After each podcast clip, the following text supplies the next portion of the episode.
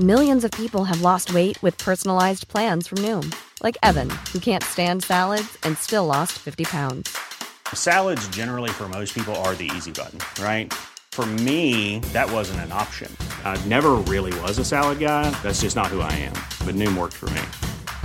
Get your personalized plan today at Noom.com. Real Noom user compensated to provide their story. In four weeks, the typical Noom user can expect to lose one to two pounds per week. Individual results may vary. A lot can happen in three years, like a chatbot may be your new best friend. But what won't change? Needing health insurance. United Healthcare Tri Term Medical Plans, underwritten by Golden Rule Insurance Company, offer flexible, budget friendly coverage that lasts nearly three years in some states. Learn more at uh1.com. Hiring for your small business? If you're not looking for professionals on LinkedIn, you're looking in the wrong place. That's like looking for your car keys in a fish tank. LinkedIn helps you hire professionals you can't find anywhere else, even those who aren't actively searching for a new job but might be open to the perfect role. In a given month, over 70% of LinkedIn users don't even visit other leading job sites. So start looking in the right place. With LinkedIn, you can hire professionals like a professional. Post your free job on linkedin.com slash achieve today.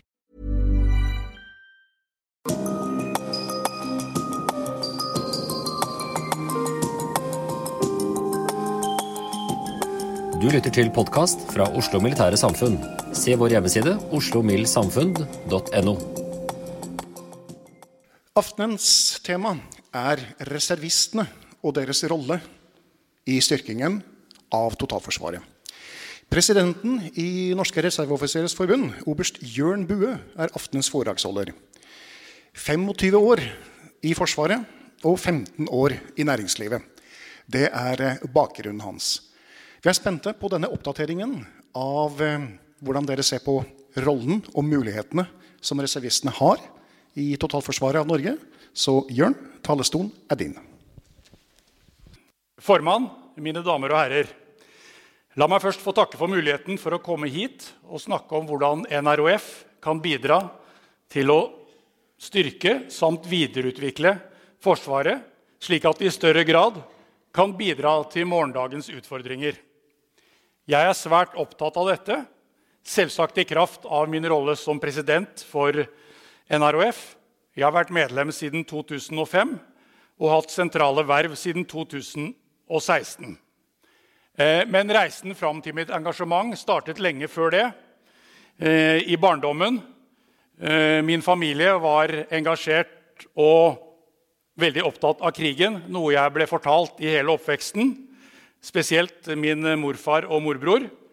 Og da jeg skulle gjøre yrkesvalg, som i en stund sto mellom prest, advokat og offiser, så ble det offiser. Eh, deretter så gikk jeg da krigsskole, stabsskole i Sverige, og jeg avsluttet tjenesten i Forsvaret som forsvarsattaché i Moskva. Eh, det jeg registrerte når jeg trådte ut av tjenesten i 2004, var at det ikke fantes noen interesse som helst for den kompetansen jeg hadde opparbeidet i 25 år, ei heller den kompetansen jeg hadde opparbeidet om Russland etter tre år der. Um, og som um, eh, sørlending så bør jeg vel si at hva ble du da? Jo, jeg ble rent ut sagt forbanna. Men jeg gjorde ikke så mye med det da, utover å melde meg inn i Reserveoffisersforbundet. Eh, så var jeg tre år i Canada som representant for eh, norsk forsvarsindustri. Eh, og da hadde jeg naturlige årsaker tett kontakt med canadiske militære og reservister. Jeg ble veldig imponert over hvordan Canada, som for så vidt ligger langt fra begivenhetenes sentrum når det gjelder trusler, utnyttet sine reservister og hadde bygd videre og utviklet et konsept fra den kalde krigen. Eh, det er fortsatt inspirerende. Og gjennom NRUF sitt internasjonale engasjement eh, er, det, er reservistene en viktig ressurs som kan være et betydelig bidrag Eh, til å utvikle Forsvaret mot fremtiden for å styrke forsvarsvilje og for å styrke forsvarsvilje på tvers av geografi, alder og ulikheter i sin alminnelighet. Eh, NROF er et medlemsstyrt forbund for alt befal, vervede og spesialister, hvor formålet er å støtte Forsvaret og ivareta militær grunnkompetanse gjennom kurs og aktiviteter. På den måten bidrar forbundet til et forsvarsrelatert miljø og bibehold av forsvarsvilje over hele landet. Eh, vi er et medlemsstyrt forbund med medlemmer og lokale avdelinger fra Varanger til Mandal. Og vi har valgte delegater til landsmøtet som peker ut retning og gir føringer for utviklingen av forbundet. Mange av våre medlemmer ble med i NROF den gangen vi hadde et stort mobiliseringsforsvar, og kjenner seg av den grunn best igjen i det forsvaret vi hadde, enn det vi har i dag, og dit vi skal. På tross av dette har forbundet overlevd de siste 20 årene, mer på tross av enn på grunn av, spesielt ved at vi har tilbudt et militærfaglig miljø og en arena for, eh, for våre medlemmer. Og skyting har vært en sentral faktor i dette. Og det kan vi også kapitalisere på fremover. Som eneste organisasjon nevnt fra Stortingets talerstol eh, var NRF i forbindelse med innføringen av ny våpenlov. Det er derfor viktig å presisere at våre landsmøter enstemmig har sluttet seg til å støtte det forsvaret vi har i dag, og de bidrag som det er besluttet at NROF skal ha for å utvikle Forsvaret og forsvarsviljen fremover. Vi bygger derfor vårt arbeid på forsvarssjefens vurderinger. Vi er ikke og har heller ikke tenkt å fremstå som en alternativ militærfaglig rådgiver med meninger om det meste. Vi mener at det er forsvarssjefen som har best innsyn i ulike trusselbilder, og hvordan disse best kan møtes innenfor den til enhver tid gjeldende økonomiske ramme. Eh, I tillegg er det etter mitt syn viktig å respektere det eh, demokratiske ansvaret som forsvarssjefen har i forhold til våre politiske myndigheter.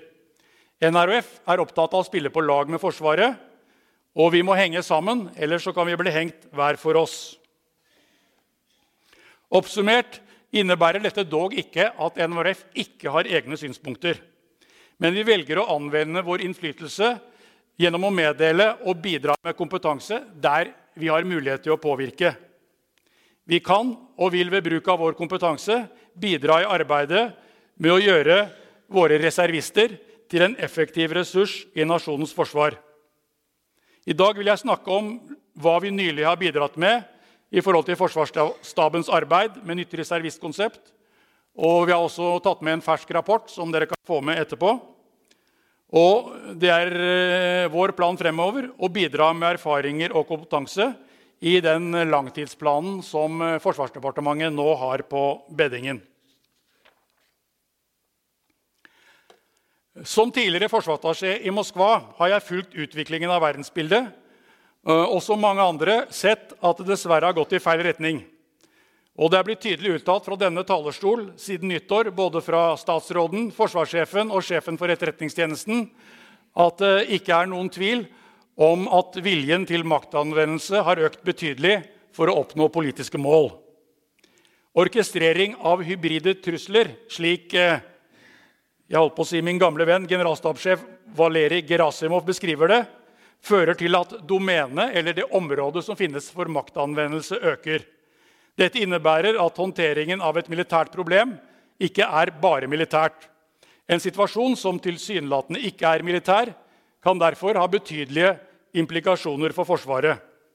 Dette medfører at kompetansebehov og krav til beredskapstenking øker i hele vårt samfunn, inklusiv Forsvaret og dette skal jeg komme nærmere tilbake til. Den samme Gerasimov sier for øvrig at konflikten mellom Russland allerede pågår, selv om den ikke nødvendigvis pågår med militære virkemidler. Dette fordrer også en helt annen beredskapstenkning i vårt samfunn. Jeg skal ikke bruke mye tid på å beskrive den politiske situasjonen blant våre allierte. Men jeg er enig med de som sier at det er mer krevende enn på lenge å skape det samhold som behøves et samarbeid for å håndtere en konkret sikkerhetsutfordring samt for å sende de riktige signalene som kan avskrekke, ha avskrekkende effekt hos den russiske ledelsen. Jeg tror dessverre det er slik at de som sitter i Kreml, kan svært ofte ha en hyggelig aften på egen hånd ved at Vesten ser ut til å trekke i ulike retninger i en rekke sammenhenger. Stor, eh, samlet sett betyr dette at risikoen også har økt med hensyn til utfordringer som kan være for store for Norge og for små for Nato. Hvordan skal vi møte en slik utfordring? Forsvaret må bidra til å spille Nato og våre viktigste allierte gode. Norge må selv ta grep, legge til rette for rammer som øker vår egen evne til å møte de sikkerhetsutfordringer som ivaretar det som kalles short of war, ref. innholdet i Natos artikkel 5. Her mener jeg noe av det viktigste vi kan gjøre, er å se pragmatisk på hvordan vi kan øke utholdenheten i forsvarsstrukturen. Etter at både forsvarssjefen og sjefen for militærmisjonen i Brussel, viseadmiral Kjetil Olsen, holdt sine foredrag, ble det store oppslag om Forsvarets troverdighet. Jeg vil eh, benytte anledningen til å bemerke at eh, for meg og NRF fremstår denne overraskelsen som litt merkelig.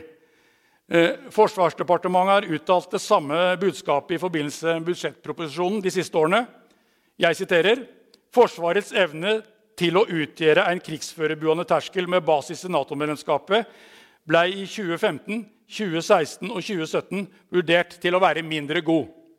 Det samme var evnen til å forsvare Norge og allierte mot alvorlige trusler, anslag og åtak innenfor ramma av Natos kollektive forsvar. Det samme der mindre god, mindre god og mindre god.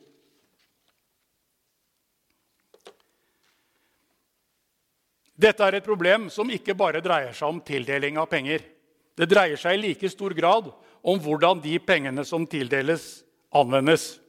I rapporten som nettopp ble fremlagt fra FFI, fremgår det at mulighetsrommet for en økonomisk bane som når 2% av BNP i forsvarssektoren i 2024, er om lag 500 milliarder kroner i 20-årsperioden. Forsvarsplanlegging for å styrke vår forsvarsevne må være realistisk og basert på at forståelse av at vi vet at dersom Forsvaret prioriteres opp, så må noe annet prioriteres ned. Det er ikke vanskelig å forstå at dette er en krevende politisk prosess. De fleste andre delene i statsbudsjettet går jo med til å finansiere tjenester som borgerne føler på kroppen hver dag, slik som helse, velferd, skoler og samferdsel, eller skattelette for den saks skyld. Et viktig element er derfor også å bidra til dialog og kunnskap om at nasjonens i dag selvfølgelige prinsipper som følge av at vi lever i et demokrati med tilsynelatende trygghet og trygge verdier, ikke minst ytringsfrihet, er viktig å forsvare. NRF er derfor opptatt av å bidra til, forsterke og holde liv i begrepet forsvarsvilje hos alle innbyggere over hele landet. Det er en stor utfordring for Forsvaret å synliggjøre nytten av de resultater Forsvaret til daglig produserer. Det skyldes bl.a. at dagens forsvarsbudsjett på nesten 59 milliarder kroner ifølge Forsvarets egen reklamefilm skal føre til at absolutt fantastiske ingenting kan skje. Og Det er jo en fantastisk beskrivelse. Samtidig så er det kanskje noe som mangler i forhold til hva Forsvaret faktisk må levere hver dag, og i krisekonflikt for at det ikke skal skje noen ting. Eh, og Hvis jeg skal, skal da tilbake til mine russiske venner, så er det iallfall én ting som er sikkert. Denne filmen forstår de ingen verdens ting av. En klok mann har sagt at når det viktigste ikke er målbart, blir det målbare veldig viktig. Det er en risiko for at Forsvaret fortsetter å styre mer på indikatorer som antall årsverk, antall baser, soldater i strukturen, hvor mange plattformer vi har på listene, framfor å faktisk styre og måle på hva vi til enhver tid har av operativ evne. I næringslivet har jeg lært mye om samspillet og realitetene ved å måtte ha fokus på både inntektssiden og mulig effekt til beste for kunde, oppdragsgiver, og ikke minst måle inntektssiden. Og jeg må bemerke at Noe som faktisk sjokkerte meg før jeg sluttet i Forsvaret, var når jeg var på et styringsmøte hvor det var noen eh, relativt sentralt plassert som snakket om bunnlinjen i Forsvaret. Jeg har ennå ikke forstått hvordan en etat som ikke, noen som ikke har en topplinje, kan operere med en bunnlinje. Det er viktig at de grepene som må tas for å tilpasse Forsvaret en farligere verden, bidrar til opplevelse av mening og forståelse gjennom økt operativ evne, som vi også våger å beskrive innenfor de rammene vi kan når det gjelder sikkerhet osv. Forsvarssjefens mantra fra det fagmilitære rådet i 2015 handler om å få de ressursene vi har, til å virke.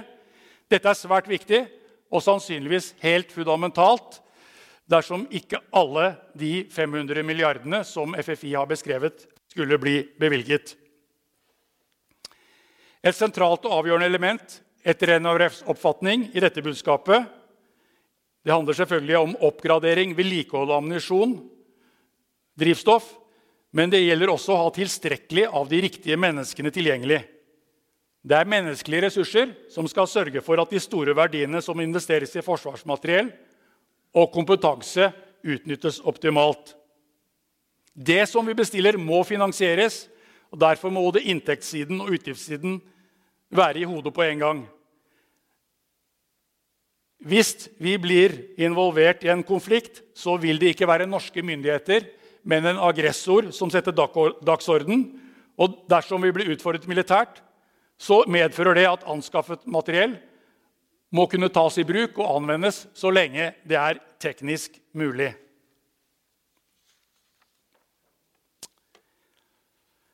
Problemet for en nasjon som Norge med begrenset folkemengde og begrenset ressurser er at vi ikke kan kjøpe både reaksjonsevne og utholdenhet for en begrenset mengde penger, slik denne kurven som dere ser beskriver.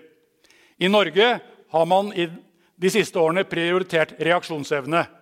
Det har etter mitt syn vært en riktig prioritering, gitt kort varslingstid. Det har også vært riktig prioritering for å kunne bidra til Natos operasjoner. Det er videre viktig bidrag for å styrke alliansen og for å bidra til å lukke gapet mellom det Norge kan klare alene, og det som er stort nok for Nato.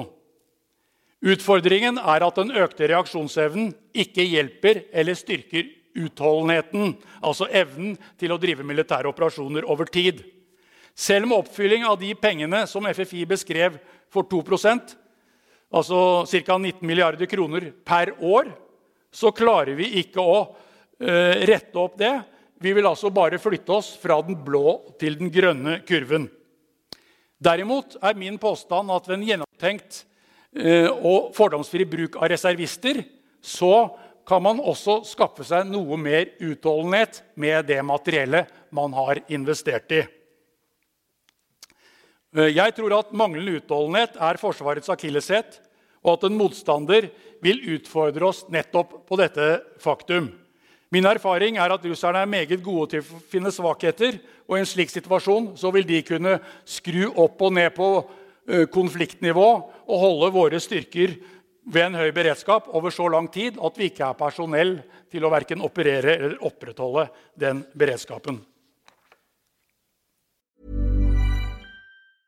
Many of us have those stubborn pounds that seem impossible to lose, no matter how good we eat or how hard we work out. My solution is PlushCare.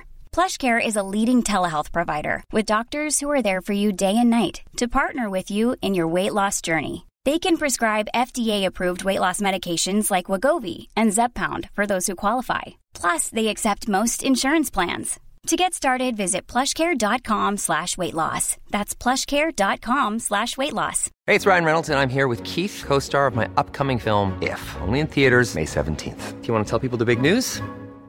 Right, I'll do. Sign up now and you'll get unlimited for $15 a month in six months of Paramount Plus Essential Plan on us. Mintmobile.com slash switch. Upfront payment of $45 equivalent to $15 per month. Unlimited over 40 gigabytes per month. Face lower speeds. Videos at 480p. Active Mint customers by 531.24 get six months of Paramount Plus Essential Plan. Auto renews after six months. Offer ends May 31st, 2024. Separate Paramount Plus registration required. Terms and conditions apply if rated PG. Forsvarsmateriell er blitt dyrt. Jeg burde jo kanskje ikke si det som jobber i forsvarsindustrien, men eh, alle rapporter og alle dokumenter viser at eh, kostnadsveksten for forsvarsmateriell er høy.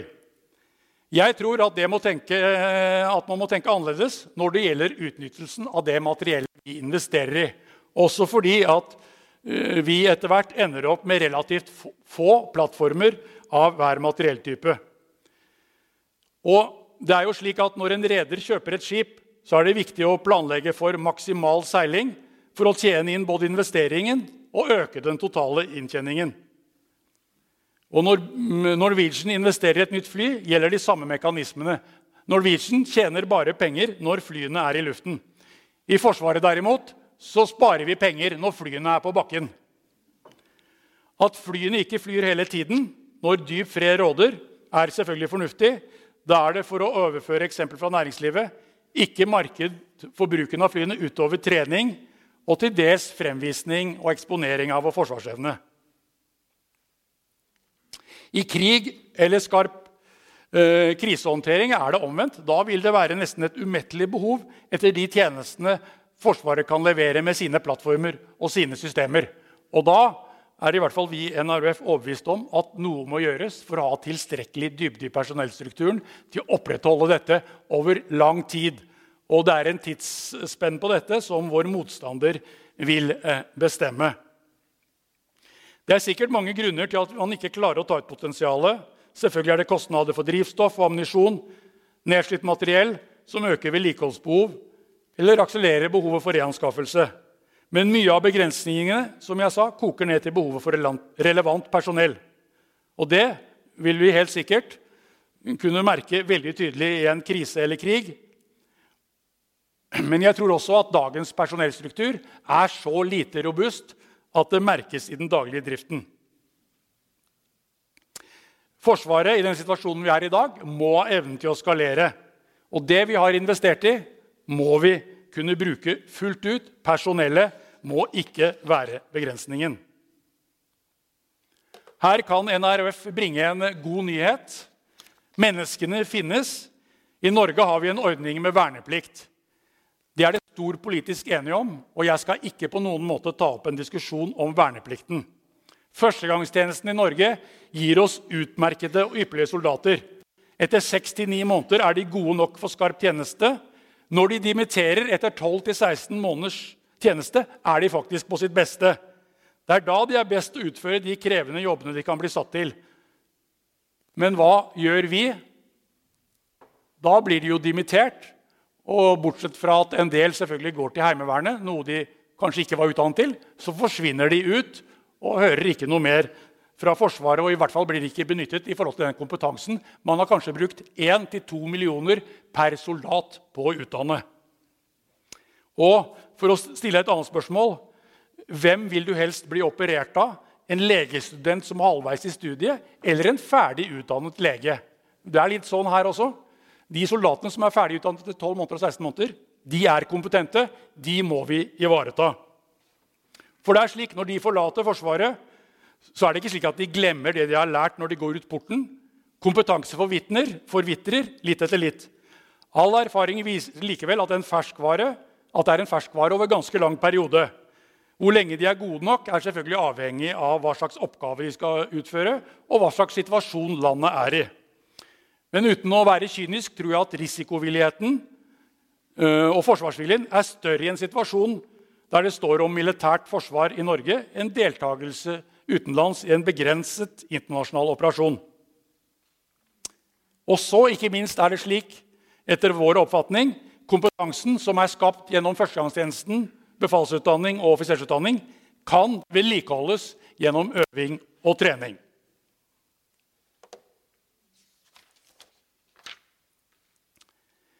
Og utnyttelsen av kompetansen. Vi bruker mye penger i utdanning. Vi bruker mye penger på å utdanne soldater, vi bruker mye penger på å utdanne spesialister. Vi bruker mye penger på å utdanne offiserer. Og igjen, med, til næringslivet så ville man også fått sparken på dagen hvis man utnyttet en investering i så mye kompetanse så dårlig som Forsvaret de facto gjør, etter vår oppfatning. Selvfølgelig er ikke vi uenige i at personellet trenges i Heimevernet. Det er viktig. Men hvis man er ute etter HV-kompetanse, er det jo det man skal utdanne til. Og ikke utdanne skyttere på CV90 eller ø, avanserte tjenestestillinger om bord på fregatt og andre systemer. Det er derfor viktig at det er avdelinger der kompetansen kan brukes. Et eksempel er omgjøringen av 2. bataljon fra en utdanningsavdeling for lett infanteri til en mobiliseringsbataljon som bemannes med reservister. Det er et godt eksempel på en slik eh, tilnærming. Det er dette personellet som er hoved, hovedproduktet av den norske vernepliktsordningen. Så må det selvfølgelig følges opp med krav til reaksjonstid og treningsnivå.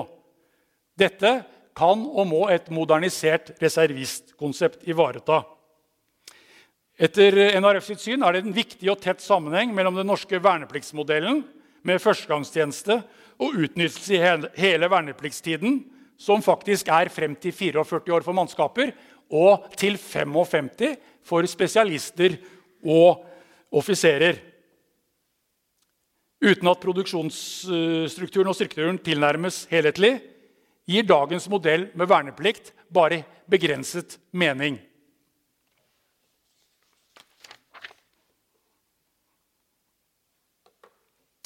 Når et ungt menneske står foran kanskje et av livets vanskeligste valg, som det å bestemme seg hva slags utdannelse en skal velge, hva slags yrke en skal gå for, er det mange forhold som spiller inn. Fremtidige arbeidsoppgaver, økonomi og jobbmuligheter for en selv og ens nærmeste der en gjerne vil bo. Utdanning som offiser eller spesialist i Forsvaret er en veldig god utdanning og et attraktivt tilbud for mange unge borgere. For samfunnet er det også en veldig dyr utdanning fordi den båndlegger ressurser i form av mennesker, baser og kostbart materiell. Det forsvarer eh, betydningen av en kvalitativ utdanning. er således Forsvaret, er, eller NRF, er selvfølgelig enig med de som sier at dersom du mener at utdanning er dyrt, så bør du prøve inkompetanse. Utdanning er nødvendig, viktig og helt avgjørende, men det er viktig å hente ut avkastningen av utdanningen gjennom hele eller store deler av vernepliktstiden.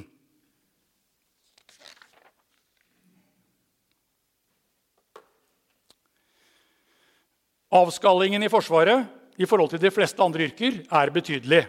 Det er mange årsaker til det og et eget tema som faller utenfor rammen for dette foredraget. Mitt poeng er at vi må ha en plan for hvordan vi forvalter denne ressursen når personell velger å forlate en stilling i Forsvaret for å gå over til annen offentlig sektor eller nærlingslivet. Også for dette personellet gir det en opplærings- og avlæringskurve som ligner på den jeg viste i sted, bortsett fra at tidsaksen blir mye lenger. Ferskvaredimensjonen har en ganske bra best før-dato, og kan vedlikeholdes og tilpasses de oppgavene som personellet skal fylle. Som eksempel så er min russisk fremdeles god nok og over og ennå ikke gått ut på dato. I tillegg til den militære kompetansen, spesielt innenfor de opprinnelige fagfeltene, forvitrer eller går ut på dato om den ikke holdes ved like, så opparbeider de som har forlatt Forsvaret, verdifull kompetanse i sitt sivile liv gjennom videre utdanning, sertifisering og praktisk arbeidserfaring, som i dag i svært liten grad eller ikke registreres av Forsvaret.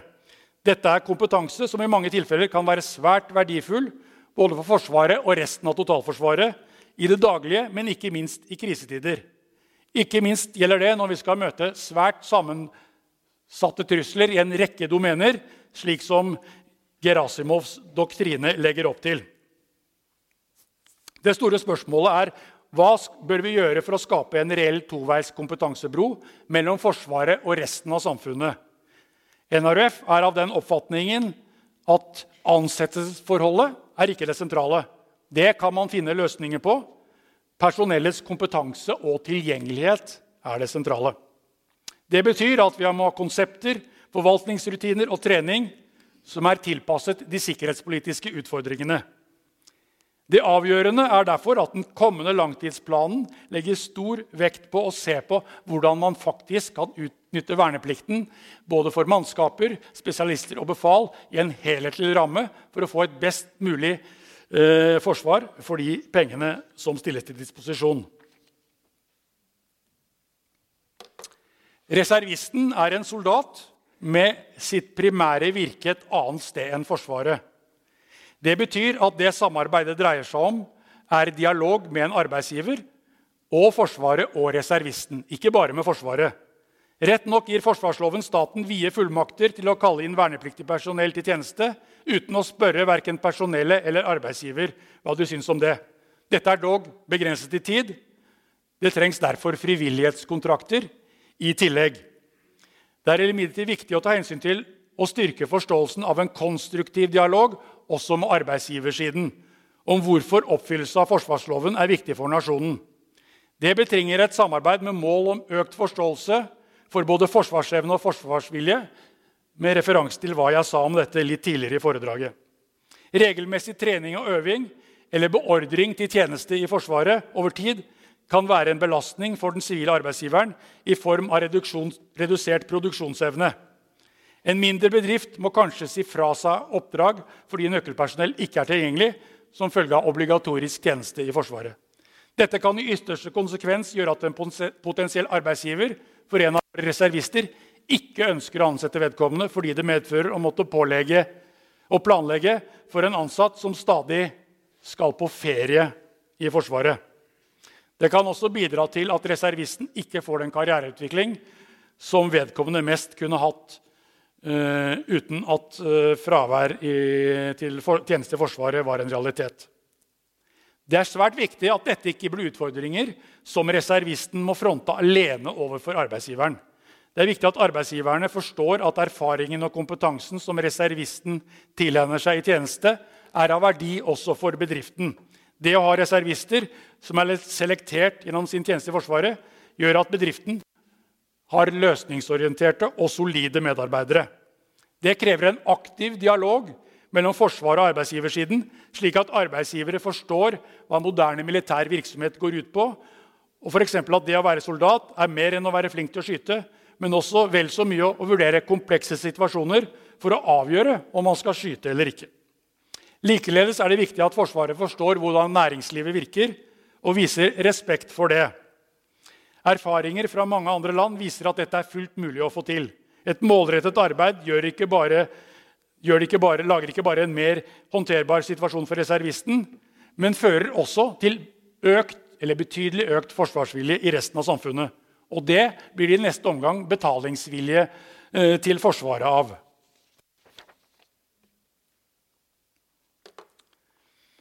Jeg er enig med dem som sier at krig ikke er noe for amatører. Natos konsept for reservestyrker, reservestyrker MC441 forutsetter at reservestyrker har det kompetansenivået som den aktuelle operasjonen krever, og legger videre til, bruken, uh, til at bruken av reservestyrker vil måtte øke når stadig flere land eh, gjør bruk av profesjonelle soldater og samtidig reduserer sine styrker i volum.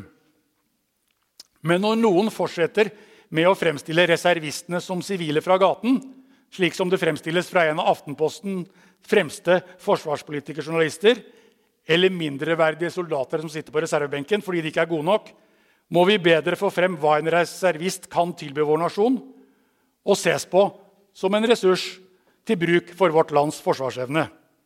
Reservister kan utføre de aller fleste oppgaver i et moderne forsvar. Det sentrale må derfor være hva slags kompetanse har de med seg fra før? Hvordan er denne kompetansen vedlikeholdt og trent? Hvilken kompetanse har de med seg i sin rolle i det sivile. Reservister koster nesten bare penger når de brukes, for å håndtere en utfordring som er større enn den som til enhver tid tjenestegjørende strukturen har kapasitet til. Derfor bidrar reservister i betydelig grad til en kosteffektiv organisering av Forsvaret. Reservistene kan utføre de fleste oppgaver, men det betyr ikke at reservistene skal overta jobbene til de fast ansatte. De skal først og fremst gjøre det mulig å bidra til å gjøre styrkestrukturen robust. Reservister kan også bruke til å forsterke produksjonsstrukturen ved å fylle hull som oppstår pga. lean manning, og frigjøre de profesjonelle militære årsverkene til høyere prioriterte oppgaver der deres spisskompetanse er helt påkrevet.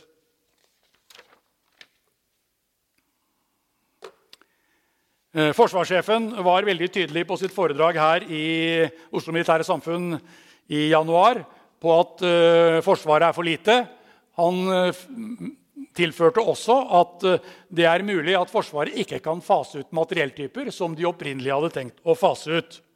Og Den offentlige debatten i ettertid har i lang tid dreid seg om størrelse, om Forsvaret er stort nok.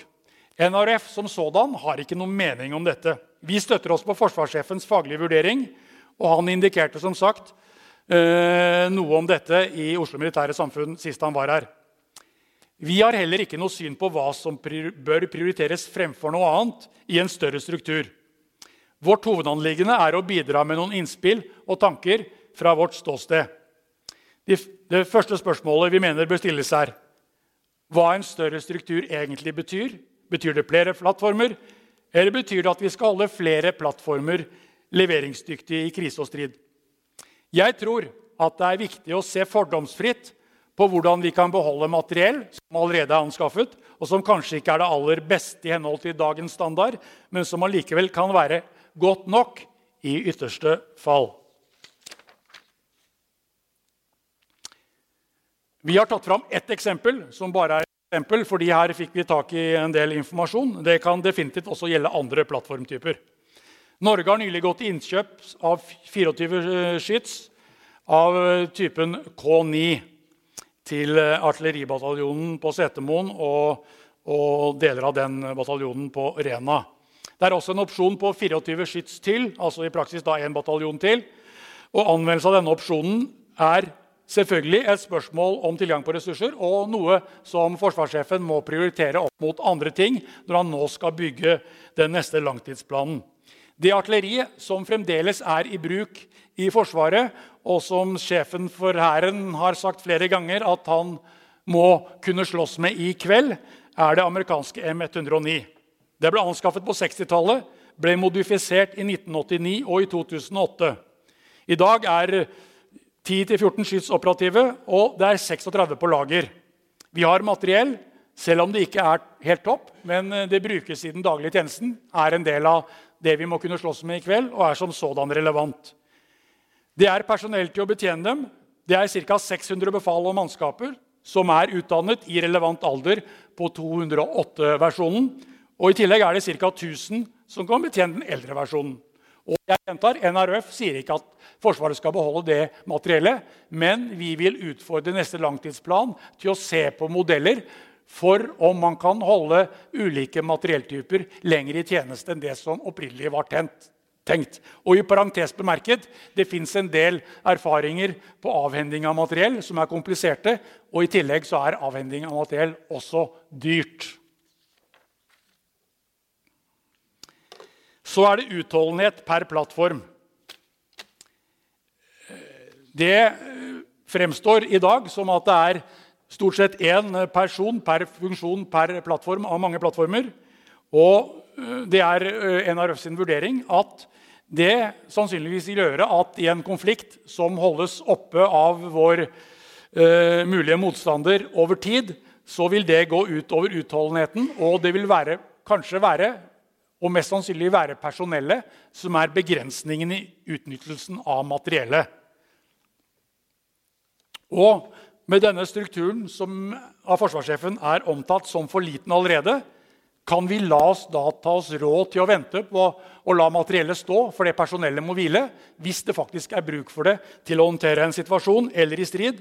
Eller bør vi sørge for å ha erstatningspersonell som gjør at vi kan holde stridstempoet oppe selv om det personellet som var der, i utgangspunktet må hvile. Og Jeg har hørt en historie av en kollega eh, fra Israel. Det var en avdeling med Blackhawk-helikopter. Det var 90 piloter i avdelingen. Av disse var 60 reservister. Reservistene trente jevnlig med de fast ansatte i Forsvaret, inklusiv at de fløy samme oppdragene som de fast tilsatte. Jeg har snakket varmt om reservister fordi vi i NRF tror på det vi jobber med. Vi har intet tryllemiddel, og reservister er ikke et alternativ til stående styrker og profesjonalitet. Det er personell som kan utfylle og forsterke strukturen og virke som styrkemultiplikator for kostbart forsvarsmateriell. Ved riktig bruk av reservister kan vi frigjøre annet personell til andre krevende oppgaver, hvor deres militærfaglige kompetanse er helt avgjørende. I tillegg så tror jeg at et slikt konsept som utnytter forsvarspotensialet i en befolkning helt ut, sender et sterkt politisk signal til en potensiell aggressor. Josef Stalin sa en gang etter den andre verdenskrigen om Finland det går an å spise et pinnsvin, men det gjør forferdelig vondt. Selv om reservister i teorien bare koster penger når det brukes, det følger selvfølgelig kostnader med et reservistkonsept. Koster penger å forvalte, koster penger å etablere, og man må trene og øve. Det vil også koste noe å opprettholde kontrakter som gjør at man kan kalle inn folk utover det lovverket gir hjemmel til. En indikasjon kan være den amerikanske vurderingen på at man får fem til seks reservister for prisen av én ansatt. I så fall kan man kanskje gå ut fra at kostnaden for en trenet og øvet reservist med en gitt beredskap koster en femtedel av en fast ansatt i Forsvaret. Det er klart at det blir mye penger, i hvert fall hvis de med blå lue her eh, skal gi alle svarene. Men vi må passe på at diskusjonen ivaretar flere interesser, både demokratiske verdier og økonomiske hensyn, og det faktum at vi faktisk må ha forsvarsvilje, og som en liten nasjon bør fremstå som et pinnsvin overfor en potensiell motstander. Og det er en risiko eh, også da som man observerer fra utsiden og fra næringslivet, at eh, det er en del ting ved New Public Management som kanskje ikke er med å bidra til at man får den forsvarsevnen man burde ut av det man gjør. Jeg har for så vidt vært en del inne på det i noen av mine poenger her. NRF har gitt innspill til den kommende langtidsplanen i en rapport. Eh, dere er velkommen til å ta med et eksemplar. Jeg tror eh, min gode venn oberst Gunvald Øyna sitter på noen eksemplarer med rødt slips bak der, som dere kan få etterpå. Eh, og Det er to hovedområder hvor reservisten i særlig grad kan bidra til en kosteffektiv styrking av den operative evnen, som denne rapporten påpeker. Øke bruken av reservister for å bidra til å øke Forsvarets styrkestruktur. Bedre utnyttelse av de investeringer som er gjort i personell og materiell. For å lykkes mener vi at det er viktig med en bred politisk forankring, en løsningsorientert, pragmatisk tilnærming og en konstruktiv og god dialog med arbeidsgiverne. NRF har jobbet med disse spørsmålene i lang tid, helt siden 1896 faktisk. Og vi har overlevd som organisasjon fordi vi har greid å tilpasse oss de skiftende utfordringer og forutsetninger som finnes i forsvarssektoren. Og det er derfor slik at Selv om noen av oss er godt voksne menn, så lever vi altså ikke i den kalde krigen. Vi er fullt ut innstilt på å bringe denne organisasjonen inn i fremtidens forsvar sammen med fremtidens eh, generasjoner. Og vi vil gjøre det med, gjennom vårt sterke nasjonale og internasjonale nettverk jobbe for å støtte forsvarssjefen og Forsvarsdepartementet slik at det blir gode prosesser, og selvfølgelig stille kritiske spørsmål og bidra til at de riktige tingene blir belyst i neste langtidsplan. Takk for oppmerksomheten.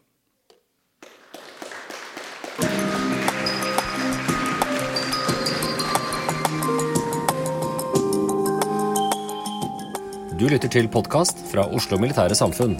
Se vår hjemmeside oslomildsamfunn.no.